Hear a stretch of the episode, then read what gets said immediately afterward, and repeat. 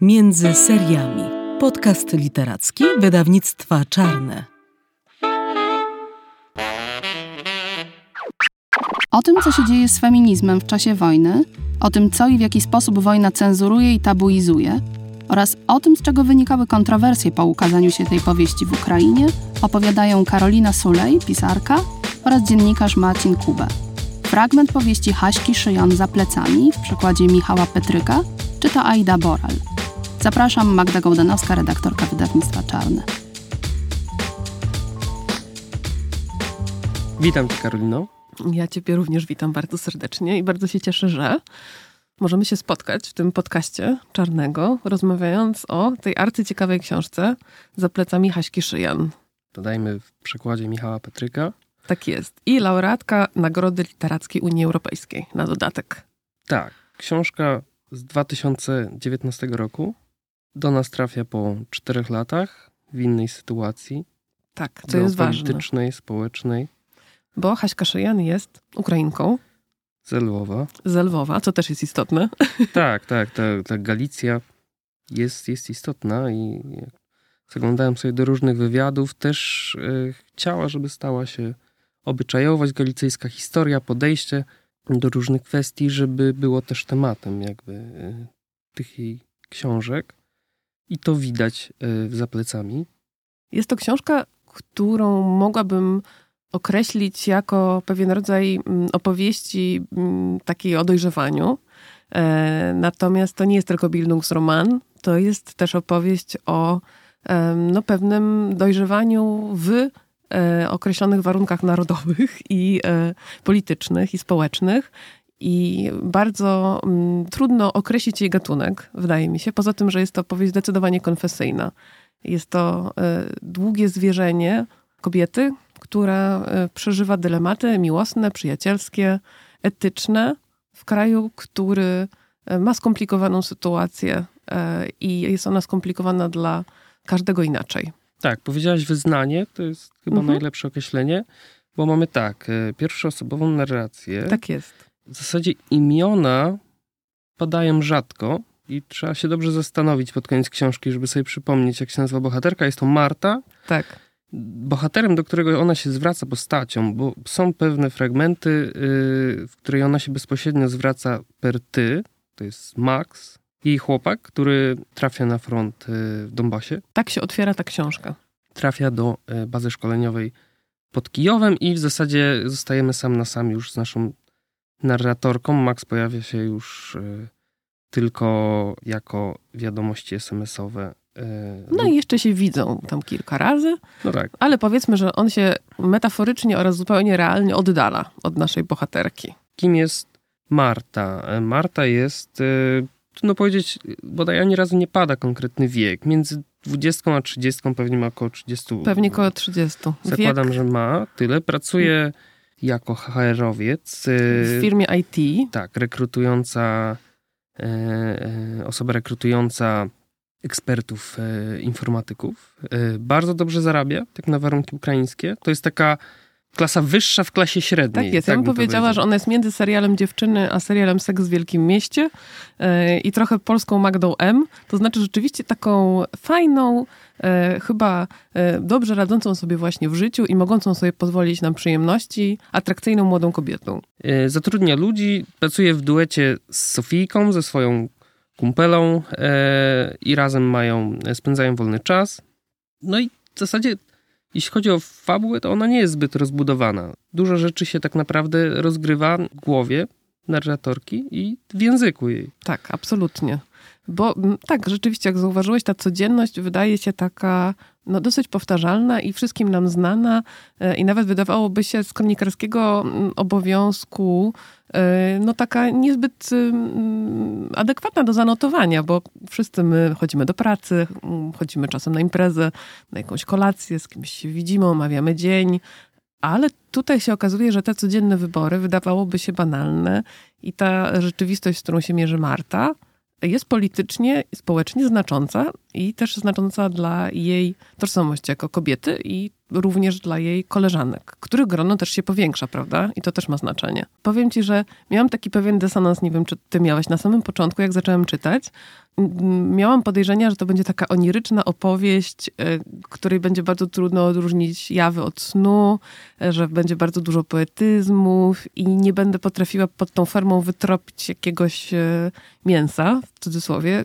które będę mogła poczuć, żeby zrozumieć, kim jest dzisiaj młoda Ukrainka, ale im bardziej w tę powieść, tym bardziej się przejaśniała i mam wrażenie, że, że ta opowieść wybrzmiewała mniej surrealnie, a bardziej boleśnie realnie. Powiedzmy jeszcze kolejno, co tam co tam się dzieje. Czyli mamy y, Martę samą, która zapełnia swój czas. Y, jest wkurzona też, tak, powiedzmy, tak, na maksa. Jest zła, jest zła. Tak. Y, no tam są takie momenty, że ona jakby też boryka się ze wszystkimi tymi oczekiwaniami społeczno-patriotycznymi no i w ogóle. To jest rzeczywistość ukraińska po aneksji Krymu i mm, rozpoczęcia wojny w Donbasie przez e, e, separatystów i wspieranych przez Rosję. I to nie jest ta Ukraina, którą mamy dzisiaj. I nawet w wywiadach i wypowiedziach też Haśka Szyjan po 2022 roku, po marcu, po lutym, ona już inaczej troszeczkę pisze i wie, że te granice tabu się przesunęły już w tym, co, jak można mówić o wojnie, co można mówić o wojnie i o pewnych powinnościach, o patriotyzmie, o, e, o Ukrainie, o języku ukraińskim. Natomiast jeszcze jesteśmy krok do tyłu, jeszcze przed pełnoskalową inwazją i ta wojna już stała się elementem chyba krajobrazu codziennego.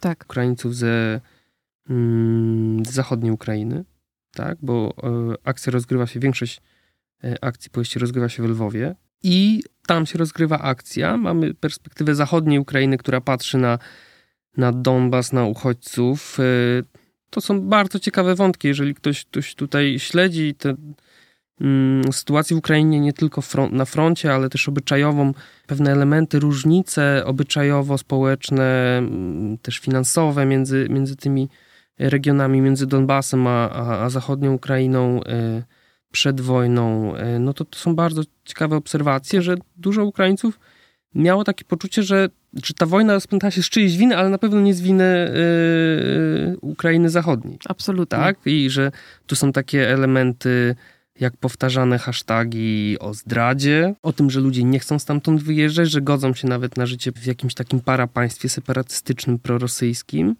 i że tak naprawdę brak jedności i brak ducha radykalnie ukraińskiego zaważył na tym, że, y, że sytuacja jest taka, nie inna i wojna musi trwać i, i chłopcy, chłopaki z zachodniej Ukrainy muszą jechać i tam teraz y, ryzykować, nadstawiać karku, ryzykować życie.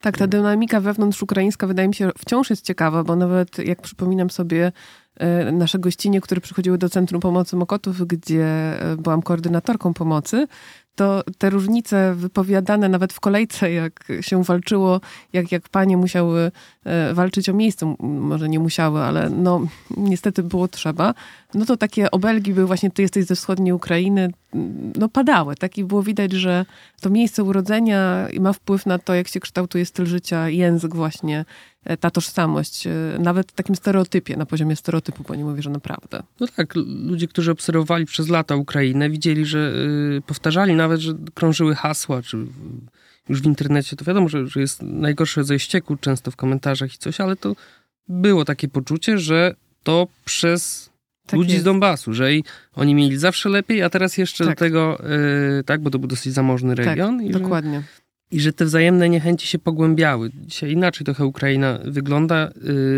To zjednoczenie pod wpływem zagrożenia jest widoczne, ale to oczywiście no, jedność, jedność zawsze raczej jest chwilowa i, i wymuszona społecznymi okolicznościami, a podziały są raz silniejsze, raz mniej tak, widoczne. Ale ta fluktuacja to wydaje mi się, że jest taka niezamierzona może przez Haśkę mm, jakaś e, wartość edukacyjna tej książki dla Polaków na przykład, którzy mogą się dowiedzieć czegoś o bardzo współczesnej Ukrainie, czego się nie dowiedzą w wiadomościach, w newsach i e, taki rodzaj wziernika, Boże, strasznie brzydkie słowo, ale wglądu w tę ukraińską duszę, jakkolwiek by to nie zabrzmiało źle. Bardzo dużo rzeczy się dowiadujemy, po prostu jak się żyje, jak wygląda je? status tak, finansowy tak, takiej, takiej młodej kobiety, która zarabia, ile ona musi zarabiać, dla kogo musi pracować, żeby zarabiać lepiej niż inni, ile zarabiają jej koleżanki, które potem poznaje, bo angażuje się tak. w środowisko yy, kobiet, tam jacyś mężczyźni się przewijają, ale raczej to są głównie kobiety No, kobiety E, za kulisami wojny, tak? Te tak, Penelopy. Tak, tak, tak, tak, y, które tkają swoją tkaninę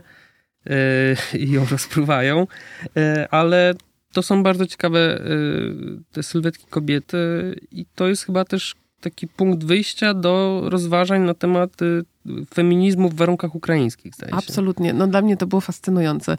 I nieprzypadkowo miałam chyba skojarzenie seksu w Wielkim Mieście, bo mam wrażenie, że Haśka właśnie czerpie z tych takich klisz, może nawet kulturowych, że są przyjaciółki i każda jest troszeczkę inna.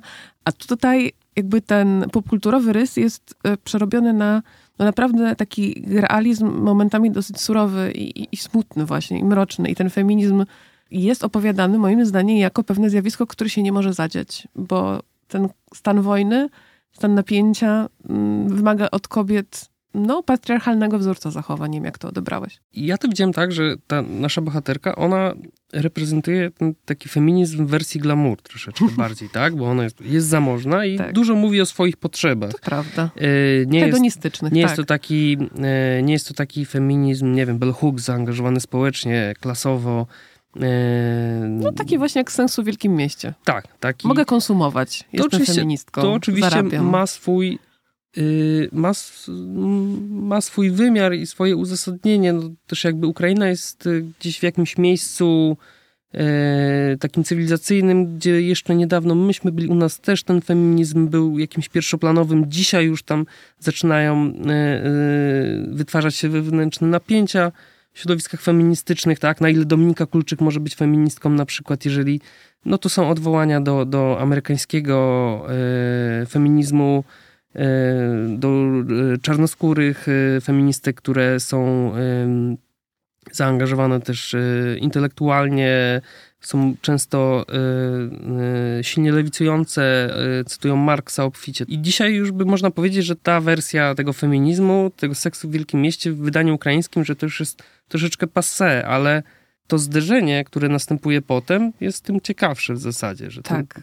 Ja tylko taki osobisty trend tutaj zamieszczę, Mhm. ponieważ moja przyjaciółka Swietka, która przybyła z Ukrainy przed y, tym pełnoskalowym konfliktem, już kilka lat tutaj mieszka w Polsce, przyjechała tutaj z taką historią no, małżeństwa, które się rozpadło i ona zaczęła samodzielnie żyć na nowo i powiedziała, że to jest bardzo jakby istotne w Ukrainie i dla jej mamy również, żeby ten sukces pod tytułem udane małżeństwo był, żeby były te dzieci, żeby były pewien rodzaj konserwatywnego schematu jednak zrealizowane, a ona, która uciekła w pewnym sensie z tego schematu, no ma teraz z kolei właśnie, mm, może nie powiem obsesję, ale taki rzeczywiście bardzo silny prymat e, takiej potrzeby, żeby sama na siebie zarabiać, dużo pieniędzy mieć, pozwolić sobie. Mhm. Czyli trochę też robi to, co nasza bohaterka, że poradzi sobie sama, wbrew temu, co kultura sugeruje, że powinien być ten mąż i, i ona powinna wychowywać dzieci, być tą kobietą domową. To o tyle ja też sprawdziłam w praktyce, że rzeczywiście kobiety, które przychodziły do nas po pomoc, wtedy, kiedy tutaj przybywały jako nasze gościnie, kiedy się wojna rozpętała, one mm, w bardzo wielu przypadkach e, były tymi kobietami domowymi. Nie miały takich umiejętności e, cenionych na rynku pracy. Wszystkiego się musiało bardzo szybko nauczyć i były bardzo dzielne, bo teraz już mają pracę i radzą sobie, ale jak tutaj przyjechały, to były wyrzucane z tej kultury, w, którym w której miały być żonami i matkami, jak część z naszych bohaterek, tych drugoplanowych. No i nagle musiały sobie w tym kraju, który jest tuż obok, ale jednak z tym feminizmem już jest troszeczkę gdzieś indziej, mm, sobie z tą zmianą kulturową poradzić. I dla mnie ta książka Haczki jest też o tym, e, no właśnie jaki ten feminizm może być, jak to siostrzeństwo wygląda, tak to, co my nazywamy siostrzeństwem, czyli powiedzmy koleżeństwo. Czy kobiety siebie wspierają, czy nie, w tych buntach różnych, rozmaitych, albo w cierpieniu.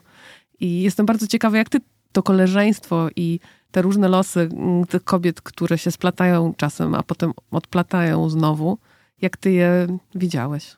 tak się zastanawiam, y, że to jest jeszcze w ogóle osobny te, wątek, tak, jakby, którego chyba dzisiaj tak nie mielibyśmy czasu, a ja to już w ogóle pewnie też dostatecznych kompetencji, żeby y, objaśniać, jak, wygląda y, jakby cykl feminizmu, rozwój feminizmu w społeczeństwie jakoś tam y, wchodzącym w kapitalizm, Mhm, post, postkomunistycznym. To jest bardzo ciekawe, ale to, no, oczywiście można porównywać Ukrainę z powieści Haśki Szyjan do, do Polski, tej z, jeszcze sprzed parunastu lat, Tak. załóżmy. Ale to trochę nie, nie, nie o to chodzi. Czy tam jest siostrzeństwo? I ja mam wrażenie, że przez tą pierwszoosobową narrację, to jednak y, Marta, to nasza bohaterka, wchodzi i silnie egzotyzuje te kobiety. Tak, takie miałem Mhm. wrażenie, że ona nie czuje się solidarna, ona się czuje y, tak naprawdę y, próbuje się do czegoś zmusić. Mhm, Tak, mhm. tak to odbierałem.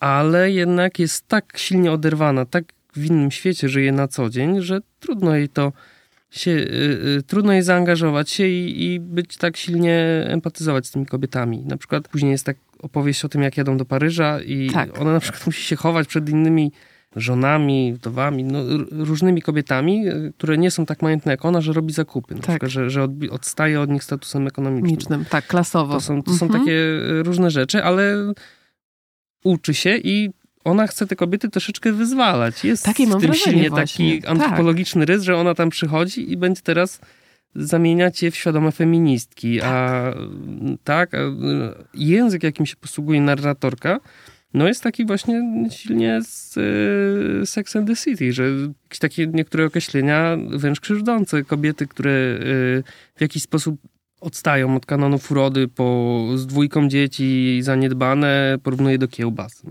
Tak, tak, ja, no to- bardzo jest ten język momentami rzeczywiście dla kobiet okrutny, bym Tak, powiedziała. Albo te właśnie, które mają operacje plastyczne, tak jakby jest taki opis em, kobiety, która idzie właśnie z siatami, taki opis jej cielesności, który no, ma wywołać no, obrzydzenie moim zdaniem, też jakby taki rodzaj, bo ja wiem, właśnie takiego naturalistycznego opisu tam występuje. Tak, ja później doczytałem się w wywiadzie dla anglojęzycznego portalu o tej drugiej powieści, bo za plecami, dodajmy, jest y, drugą, Drugą, powieścią. tak, nie jest debiutancką. tak. y, To y, kwestia cielesności, fizyczności bardzo ją interesuje y, jako, jako autorkę i w ogóle ona też zajmuje się amatorską, amatorską fotografią. W sumie interesuje ją też erotyka i pornografia. Tutaj jest też jedno i drugie. Tak, Chociaż Jako- bardziej erotyka chyba. Mhm. Yy, no, w sensie ona, ta, ta powieść, mo, równie dobrze można ją sobie bada, analizować, interpretować w kategoriach też powieści erotycznej. Tak mi się Można, to wydaje, prawda. jest dosyć sporo tego. I jest to temat przede wszystkim, Jest to temat, dokładnie, ornament. Więc, dokładnie. yy, yy, ona się też tutaj, tutaj fajnie pracuje w tej kwestii i wydaje mi się, że całkiem udana językowo, że, że na pewno nie przekracza żadnej granicy kiczu. Nie. Jest ciekawa, jest odważna. y, Tak. Widać, że, y, że pewne, y, że te kwestie ma przemyślane, wie jak chce pisać, tak? Jakby Tak, i się to dokładnie. udaje, jest bardzo zmysłowe. To prawda, zgadzam się. A to nie jest łatwa sztuka, jak wiemy. I, i też brawa dla tłumacza, bo, bo naprawdę te, te pasusy są oryginalne i, i działają tak, jak mają działać. Tak, tak, tam wszystko gra. Tak. W tych fragmentach erotycznych to, to można powiedzieć, że dorasta do tych założeń, ambicji, jakie sobie, jakie sobie za, wyznaczyła. Zdecydowanie. A ta jej pierwsza powieść, Hunt, Dr. Hunt, ona się chyba nazywała i ona ją pisała w ogóle na telefonie komórkowym w szpitalu e, chora, e, unieruchomiona, przykuta do łóżka. To, co jakby jest w tym jej języku, to rzeczywiście jest taki rodzaj, no tak jak powiedziałeś, tej, tej, ta zmysłowość rzeczywistości, która czasem jest, e, powiedziałabym, bardziej jakby mm, w stronę takich mm, wrażeń e, sensualnych, które, które nie są przyjemne, albo w takich rozkosznych bardzo, tak? Ale te, to jest w tym języku. Plus opis świata, bym dodał, jest silnie zakorzeniony w takim konsumpcjonizmie. Tak. że ona opisuje y, rzeczywistość w dużej mierze poprzez przedmioty. Tak. Poprzez przedmioty, dobra, e, poprzez jedzenie i, i poprzez ciało. Tak, Jest tak, bardzo tak, tak. taka zmysłowa, to takie ogólne, wyświetlane słowo. właśnie, prawda? Materialna, w sensie Ale tak, to jest taki konkret rzeczywiście. No właśnie nasza rzeczywistość składa się z przedmiotów i rzeczy, które postrzegamy zmysłami i codziennie chodzimy na zakupy i robimy e, jakieś, e, no nie wiem, e, nieprzemyślane decyzje konsumpcyjne popełniamy, ona to wszystko opisuje, coś tam pijemy, coś tam jemy i ona jakby mówi, że nasze życie się właśnie z tego składa. Ale rzeczywiście opowiada to, to wszystko przez te, te przedmioty. Trochę mi się to skojarzyło z taką powieścią, ona jest kompletnie o czymś innym. American Psycho Bretta Brestona e, i Tona Elisa. I e, tam też jest taka enumeracja, są takie mantry e, o tym właśnie, co bohater kupił albo co założył. No tutaj może to nie jest aż tak przegięte, no ale rzeczywiście to, że tam jest ta rukola i z czym jest sałatka, którą ona sobie przygotowuje, że to jest no, owoce morza nieustannie. owoc morza, tak? Jakby- nieustannie szampany i te inne. tak. No lubi sobie dogodzić. Tak, dokładnie. No i też opisuje właśnie te mody, te, te ubrania, to też jest ważne, czy tam koleżanka założyła futro na gołe ciało, kto tam ma panterkę, to są też istotne informacje społeczne. Tak, ja czytałem to jako przewodnik po współczesnej Ukrainie, po obyczajowości. I tak, też jak, lifestyle. Co to znaczy, y, co to znaczy na Ukrainie być zamożnym człowiekiem Tak na jest. przykład i co to znaczy móc sobie na wszystko pozwolić, bo to nie wszędzie znaczy to samo. To prawda. Więc y, jest bardzo ciekawa i dodam od siebie, nie wiem, czy też miałeś takie wrażenie, że ona nie sprawia, y, że tak powiem, przykrości czytelniczych. Dobrze się po prostu czyta. Świetnie się 460 czyta. stron. Ja ją naraz połknęłam. Dla mnie w tej książce bardzo ważne jest też to, mm, że to jest opowieść historyczna, którą się zwykle pomija, mówiąc o kraju w stanie wojny. Te kobiety, które czekają, te Penelopy, które mają mężczyzn na froncie, albo które straciły już ich i oni nie wrócą i muszą jakoś to swoje wdowieństwo przerabiać, to są głosy, których często nie słyszymy. Nie widzimy tych kobiet. One nie mają głosu twarzy. wydają się niegodne opowieści, no bo co, cóż one tutaj robią? A tutaj jakby ta książka, Haszka pokazuje, że te kobiety mają, wykonują ogromną pracę emocjonalną, czasem realną zupełnie, działając w wolontariacie, pomagając. E, I że jest to połowa tylko historii, jak będziemy opowiadać o dzielnych chłopcach, którzy, którzy są na froncie. No i w ogóle to też pokazuje, w jaki sposób te różnice płciowe, genderowe się bardzo wyostrzają, jak bardzo wojna wymaga tego wyostrzenia, jak bardzo te panelopy muszą czekać, jak bardzo tam mężczyźni muszą walczyć, mimo że nie chcieli czasem właśnie nawet jak Max e, być bohaterami, ale są obsadzani w takich rolach, mają te lajki E, i e, już nie będziemy za dużo zdradzać, ale kobiety, które są dla nich atrakcyjne, coraz bardziej też muszą przypominać te, które czekają i, i ich traktują jako bohaterów, więc wszyscy trochę tak e, zostawiają na siebie pułapki w tej sytuacji i coraz No. bardziej się czarnobieli. Taki model kobiecości wojennej się wytworzył. Tak, tak, dokładnie. Wzór pewien. Ja mam tu zapisane takie, e, co wyrazistsze cytaty, jeszcze tylko e, z tymi mediami społecznościowymi. Dodam, Tak. że to też jest e, ciekawy element, jak, jak dzisiaj funkcjonuje to właśnie oczekiwanie i, i że Facebook, e, inne To media prawda. społecznościowe też wytwarzają pewną wspólnotę. Na ile ona jest spajająca, na ile jest wyimaginowana, to już jest osobny temat, ale jest to przestrzeń na pewno wspólna tych kobiet i tam są te opisy, że, że na zdjęciu przed wyjazdem, Tak. bodaj już w mundurze, y, Max jest, że dostała prawie 700 lajków, tak? Tak I że jest. mówi, że na zdjęciu z Tajlandii pewnie byłoby mniej la- lajków, gdybyśmy się sfotografowali z wakacji. Ale to nie znaczy, że nie chciałabym się zamienić i być teraz z tobą w Tak. Tajlandii, tak? Tak, na, na tak, wakacje. tak, tak. Też bardzo jest ciekawe e, dla mnie to, że te kobiety, które zostają, no to właśnie z jednej strony czeka na nich ta rola tych wojennych wdów, a z drugiej strony dostają jakąś taką nagłą, nieoczekiwaną przestrzeń wolności. I to Marta akurat stara się wykorzystać, emancypując te swoje koleżanki. M- Mówi im, że słuchajcie, jesteśmy tutaj jakoś tam w pewnym sensie same, wolne, możemy robić co chcemy. Ja będę robić, co będę chciała w takim e, układzie, tak jak już on mnie zostawił. Nie będę czekać ze swoim życiem, będę żyć. No ale jak się okazuje, właśnie ta cała e, jakby historia, ta powieść mówi o tym, że bardzo trudno jest e, się wyemancypować od tej sytuacji wojennej, od tego losu. W ogóle bardzo mi ta książka jakby koresponduje z Carują Szalew i z losem właśnie, który też splata osobiste historie i historie miłosne z e, tym losem kraju w pewnym sensie, tym przeznaczeniem kraju, z którego e, chce się jakoś człowiek wyplątać, a bardzo mu trudno czasem i mimo, że sobie pozwala na jakieś ucieczki i marzenia, to szybko go to, co się dzieje polityce, ale też jak się o tym mówi, ta narracja wielka, tę małą narrację tak zgniata, zaciąga z powrotem do mm, jakiejś ciemnej jamy. Tak, to Haśka Szyjan, ona używa takich określeń, że to są wolontariuszki z dziećmi, które zasiedziały się na urlopie macierzyńskim, że służba męża y, na froncie, czy w ogóle w wojsku jest takim przedłużonym, odroczonym urlopem macierzyńskim, że nie wiadomo do końca, co ze sobą No zrobić. właśnie. Poza tym trwaniem, jak tu czytamy, lepieniem, suszeniem, gotowaniem, przelewaniem pieniędzy z konta na konto. Yy, Krzątactwo, tak, takie bezcelowe. załat- załatwianie swoim mężczyznom noktowizorów z zachodu albo dozbrajanie ich yy, na własną rękę samodzielną, żeby mu było ciepło i żeby go nie zastrzelili.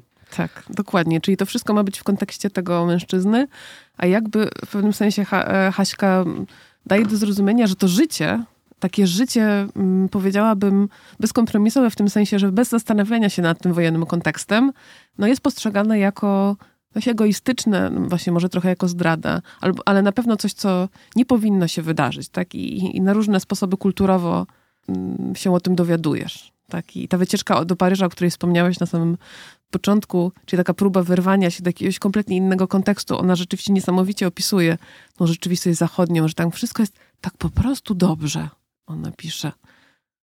Dając do zrozumienia, że nawet te jej ekscesy, y, te sałatki z rukolą, te imprezy, te szampany, te jakieś e, erotyczne eksperymenty, no to nie jest w stanie załatwić tego, tego kamyka w bucie, jak ona mówi o historii, tak? I, I, o tej sytuacji w Ukrainie. No tak, ta rzeczywistość nie tylko daje jej się wyznaki, ale po prostu mocno ściągają yy, właśnie, bo to trudno powiedzieć, że jakby sprowadza na ziemię, czy przywołuje tak. do porządku, bo to cały tak. czas są określenia, z którymi narratorka i też zapewne autorka dokładnie, chciałaby walczyć, więc dokładnie. nie będę ja tutaj wojował y, z Haśką Szyjan, ale y, a powiedz, jak y, jak myślisz, jak czytać tę książkę dzisiaj, w 2023 roku?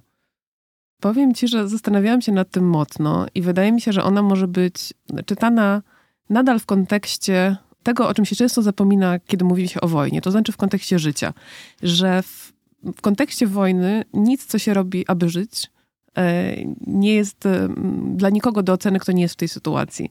I że musi być trochę życia, żeby potem można było przetrwać i żyć na nowo. Że nie da się tylko opisywać śmierci i mówić e, o śmierci w kontekście wojny. Trzeba mówić o śmierci, ale trzeba też mówić o tym, jaki ludzie się starają żyć. A starają się żyć przez rozmaite codzienne rytuały i e, przyjemnostki, nawet czasem. I to może brzmieć e, niespecjalnie, że tak powiem, e, zgodnie z dekorą w kontekście tak zwanej wielkiej historii, ale przecież my na co dzień jesteśmy ludźmi, którzy wykonują bardzo skomplikowane i wzajemnie sobie przeczące drobne czynności, które nas czynią sobą. I wydaje mi się, że o tym też jest ta powieść obyczajowa, o tym, w jaki sposób być sobą w obliczu śmierci, wojny i, i, i, takich wielkich decyzji, na które kompletnie nie mamy wpływ, które są poza naszą kontrolą. Tak, z drugiej strony y, no, jest wiszące nad tą książką jakieś tabu, mhm. E, którego granice wydaje mi się przesunęły się po lutym 2022 roku. Nawet y, znalazłem taki wywiad z Artemem Czechem, e, autorem ukraińskim, który na polski był tłumaczony.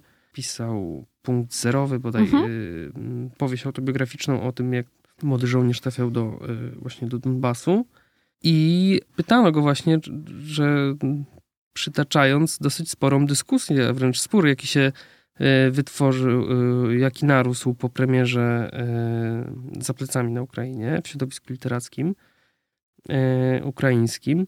No i on powiedział, że te granice się będą przesuwać. Powiedział to, zdaje się, jeszcze przed, hmm. przed inwazją, e, że te granice się będą przesuwać tabu i że jest całkiem naturalne, zrozumiałe, że dla części ludzi pewna narracja, pewien język będzie e, niedopuszczalny i też trzeba się z tym pogodzić. W sensie, że no wiadomo, pisarz nie jest od tego, żeby się wszystkim podobać, e, no ale to jest, to jest ona, dzisiaj pracuje dużo silniej, jak na przykład czytamy fragmenty w tej książce, gdzie narratorka irytuje się, że y, masowym przechodzeniem na język ukraiński z rosyjskiego, tak? Jakby to dzisiaj się inaczej troszeczkę czyta i zastanawia się człowiek, czy, czy się coś tam nie zestarzało. Z drugiej strony, no jakby Wiesz co, ja zawsze jestem po stronie tych, którzy biorą pod włos i też y, jestem boleśnie świadoma, jak my cenzurowaliśmy naszą własną wojenną historię, y, bo coś nie pasowało, bo było nie z tego poziomu, co trzeba, a uważam, że wszystko, co realnie ktoś przeżywa i co realnie się dzieje w kontekście wojennym,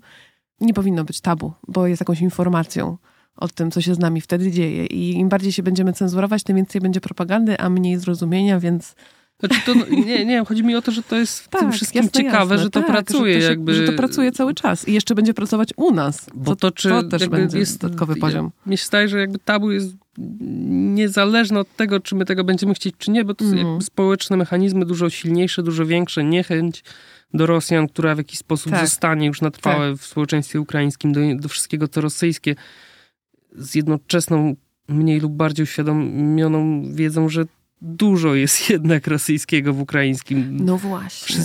We wszystkim, tak? Jakby tak jak nawet w języku, ale skoro nawet w języku polskim do, do tej pory mamy tyle rusycyzmów, jakby Tak już... jest. A z drugiej strony Ukraina się też przesuwa coraz bardziej na zachód, prawda? Więc to wszystko, ta dynamika, która jest u Haśki i ona się jeszcze bardziej radykalizuje, tak jak powiedziałeś. I ta książka się jakby nie dezaktualizuje, tylko jeszcze się bardziej tak, to jest ciekawe. wyrazista. Rzadki przykład, że, że się zradykalizowała już po tak, napisaniu ta książka. Tak, tak myślę. Tak można powiedzieć, że, że strasznie prowokacyjna. Bardziej prowokacyjna niż była w dniu premiery. To prawda, ale y, uważam, że tania prowokacja to jest coś, czego nie polecamy, a świetna literacko pro, prowokacja, nawet jeśli już nazwiemy to prowokacją, to jest zdecydowanie coś, co, co warto wiedzieć i wydaje mi się, że no, ma to rzeczywiście właśnie wartość edukacyjną, a przynajmniej jest to książka, w której można rozmawiać ze swoimi ukraińskimi znajomymi na przykład. Tak. Świetnie by było o tym pogadać. Dodajmy też, bo, bo to nie jest takie oczywiste, jak się czyta, y, że autorka y, to nie jest pokolenie, ona nie opisuje swojego pokolenia, bo ona Tak. jest z roku 80, y, rocznik 1980, czyli jest, podejrzewam, że jest 10 lat co najmniej y, starsza od swojej bohaterki. Tak. I też, no, z tego co wiem, raczej nie, nie, nie pracowała, nie funkcjonowała w środowisku korporacyjnym takim. Kończyła filologię ukraińską, miała jakieś, prowadziła, mm, teraz to pewnie już y, nie wiem na ile jej ta firma funkcjonuje, prowadzi księgarnię internetową Tak. e, w Lwowie.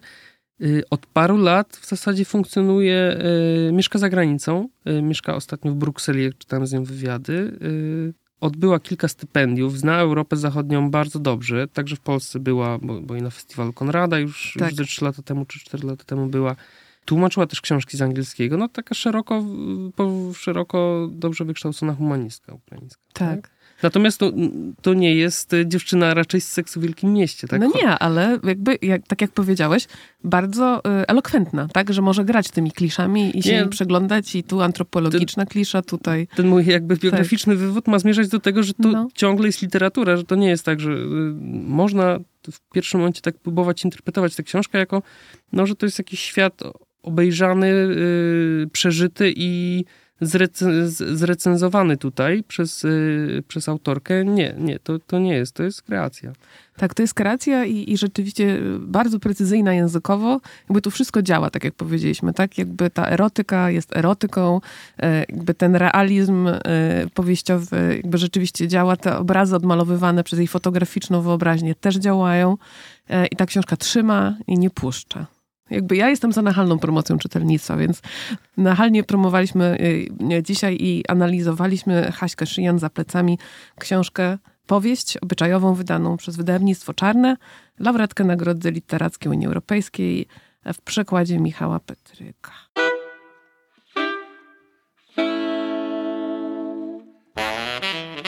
Masz 26 lat. 26, czyli mniej niż mam teraz. I znajdujesz się sama z tym wszystkim w zimnej chruszczowce, bo ogrzewanie wyłączają, ciepłą wodę też. Żeby wykąpać mnie raz na tydzień, trzeba grzać wiadra wody na kuchence. Żal mi patrzeć, jak mama to robi, ale ona już tak się wdrożyła, że chyba jedzie na autopilocie. Tata jest moją jedyną pociechą. Nie podupada na duchu, zachowuje dobry humor, mówi, że wreszcie może nadgonić czytanie. Dlatego rzadko wstaje z kanapy. Chyba, że mama krzyknie, żeby napełnił dla mnie wannę. I jeszcze rzadziej wychodzi z domu. Nie denerwuje go, że kiepsko się odżywiamy, na wszystko reaguje śmiechem, zajmuje się majsterkowaniem i wynalazczością, w co wciąga też mnie. Poza tym wiele mówi o odległych ziemiach i niezwykłych krajach. Razem oglądamy w telewizji programy podróżnicze, przyrodnicze i teleturnieje. Tata bardzo się cieszy, że się rozwijam, bo wymyślam odpowiedzi szybciej niż tempawi gracze. Ale to nie dziwi, kiedy weźmie się pod uwagę, że dla rozrywki lubimy przypominać sobie nawzajem słowa, otwierając przypadkową stronę encyklopedii. Do dziś praktycznie nie stworzono programów umożliwiających przekwalifikowanie się mieszkańcom depresyjnych regionów. Mas pracujących, które nagle przestały być potrzebne. Tata chyba takiego programu nie potrzebował. Był sobie po prostu fajnym, wesołym kolesiem, który nie miał zamiaru się przesadnie napinać. To znaczy, teraz rozumiem, że z łatwością należał do kategorii loser z kilkoma hobby. Bo w wieku, kiedy za granicą kończy się naukę i wkracza w życie pełne najróżniejszych możliwości, nie chciał nic ze sobą zrobić. Rozumiem, że to nie on dbał o tę mandarynkę pod moją poduszką, którą na Mikołaja mogłam zabrać do szkoły, żeby nie wyglądać tam na całkiem poszkodowaną. Rozumiem, że przez lata jego kanapowego życia nie spali z mamą w jednym łóżku. Rozumiem, że wtedy była mniej więcej w moim wieku. A czuła się chyba tak, jakby wszystko, co najlepsze w jej życiu, już się wydarzyło. I sprzedała swoje wyjściowe pantofle, żeby zrobić mi na urodziny wafle posmarowane mlekiem skondensowanym. Potem wzięła się w garść i pojechała w nieznane. A on ani razu nie wyjechał za granicę naszego miasteczka. Chodził nad rzekę łowić ryby. I chyba czuł coś takiego, co ja nazwałabym przytłaczającym prowincjonalnym szczęściem. Wszystko mocno się zmieniło. Wokół pojawiło się wiele ładnych i estetycznych pokus. Napij się whisky sour, smoothie i aperola szprica, prowadź bezsensowne pseudointelektualne pogaduchy, obserwuj w barach milutkich hipsterów w porwanych spodniach i swetrach z jeleniami, zaglądaj w okna barbershopów, gdzie doprowadza się do ładu ich brudki. Doprowadź do porządku swoje brwi w briubarze, pal trawę, zakładaj startupy, zamawiaj sushi, pizzę, burgery, pankejki, chińskie jedzenie w pudełkach z dostawą do domu. Chodź na manikir, do lokali i spa, rób sobie tatuaże, instaluj aplikacje światowych szefów na najnowszym urządzeniu, badaj underground, upgrade'uj rowery zrobione na miarę, gotuj kuskus w tazinie, kop bitcoiny, odpływaj na techno 90 rave'ach, zastawiaj wnętrza designerskimi cackami, postuj live storki i dodawaj do memorisów. Znów rób tatuaż, żyw się Soilentem, szukaj drogi na Google Maps, noś niepraktyczne sukienki i dżinsy boyfriendy, baw się na domówkach, surfuj i lataj na kajtach, wożonych na bagażnikach tul. A co? Napierdalaj selfie z selfie sticka, miej wyjebisty look, szukaj lifehacków na każdą sytuację. Jedz falafele, lichi i akaj, kołuj kwasy, postój flat lie dla wytchnienia w Insta, lataj tanimi liniami i biznes klasą, oglądaj blockbustery w 3D i arthouse na open airach, czytaj błyszczące magazyny i najświeższą prasę ekonomiczną. Nie można obwiniać człowieka, że szczerze pragnie takiego życia. Jeśli w ciężkich latach dziewięćdziesiątych po prostu nie wiadomo było, skąd ktoś może wziąć pieniądze na kilogram mandarynek, kiedy twoja mama nie miała nawet na jedną, i w związku z tym wszystkie pieniądze były brudne, to teraz można finansować małe i duże przyjemności dzięki konsekwencji i pracy, nawet pracy umysłowej. Dla takiego człowieka wisienkę na wypełnionej kolorową zawartością piramidzie Maslowa niezmiennie stanowią projekty społeczne, datki na crowdfunding przedsięwzięć artystycznych i downshifterskie przygody. Jesteśmy nawet w lepszej sytuacji niż pokolenie o 10 lat starsze, które poczuło, że osiągnęło szczyt swoich możliwości, kiedy zdobyło nieruchomość, samochody, dzieci, obiady w restauracjach i wypoczynek all inclusive. Jesteśmy mobilni i lekcy. Wiemy, że na świecie istnieją nieskończone opcje, których można spróbować.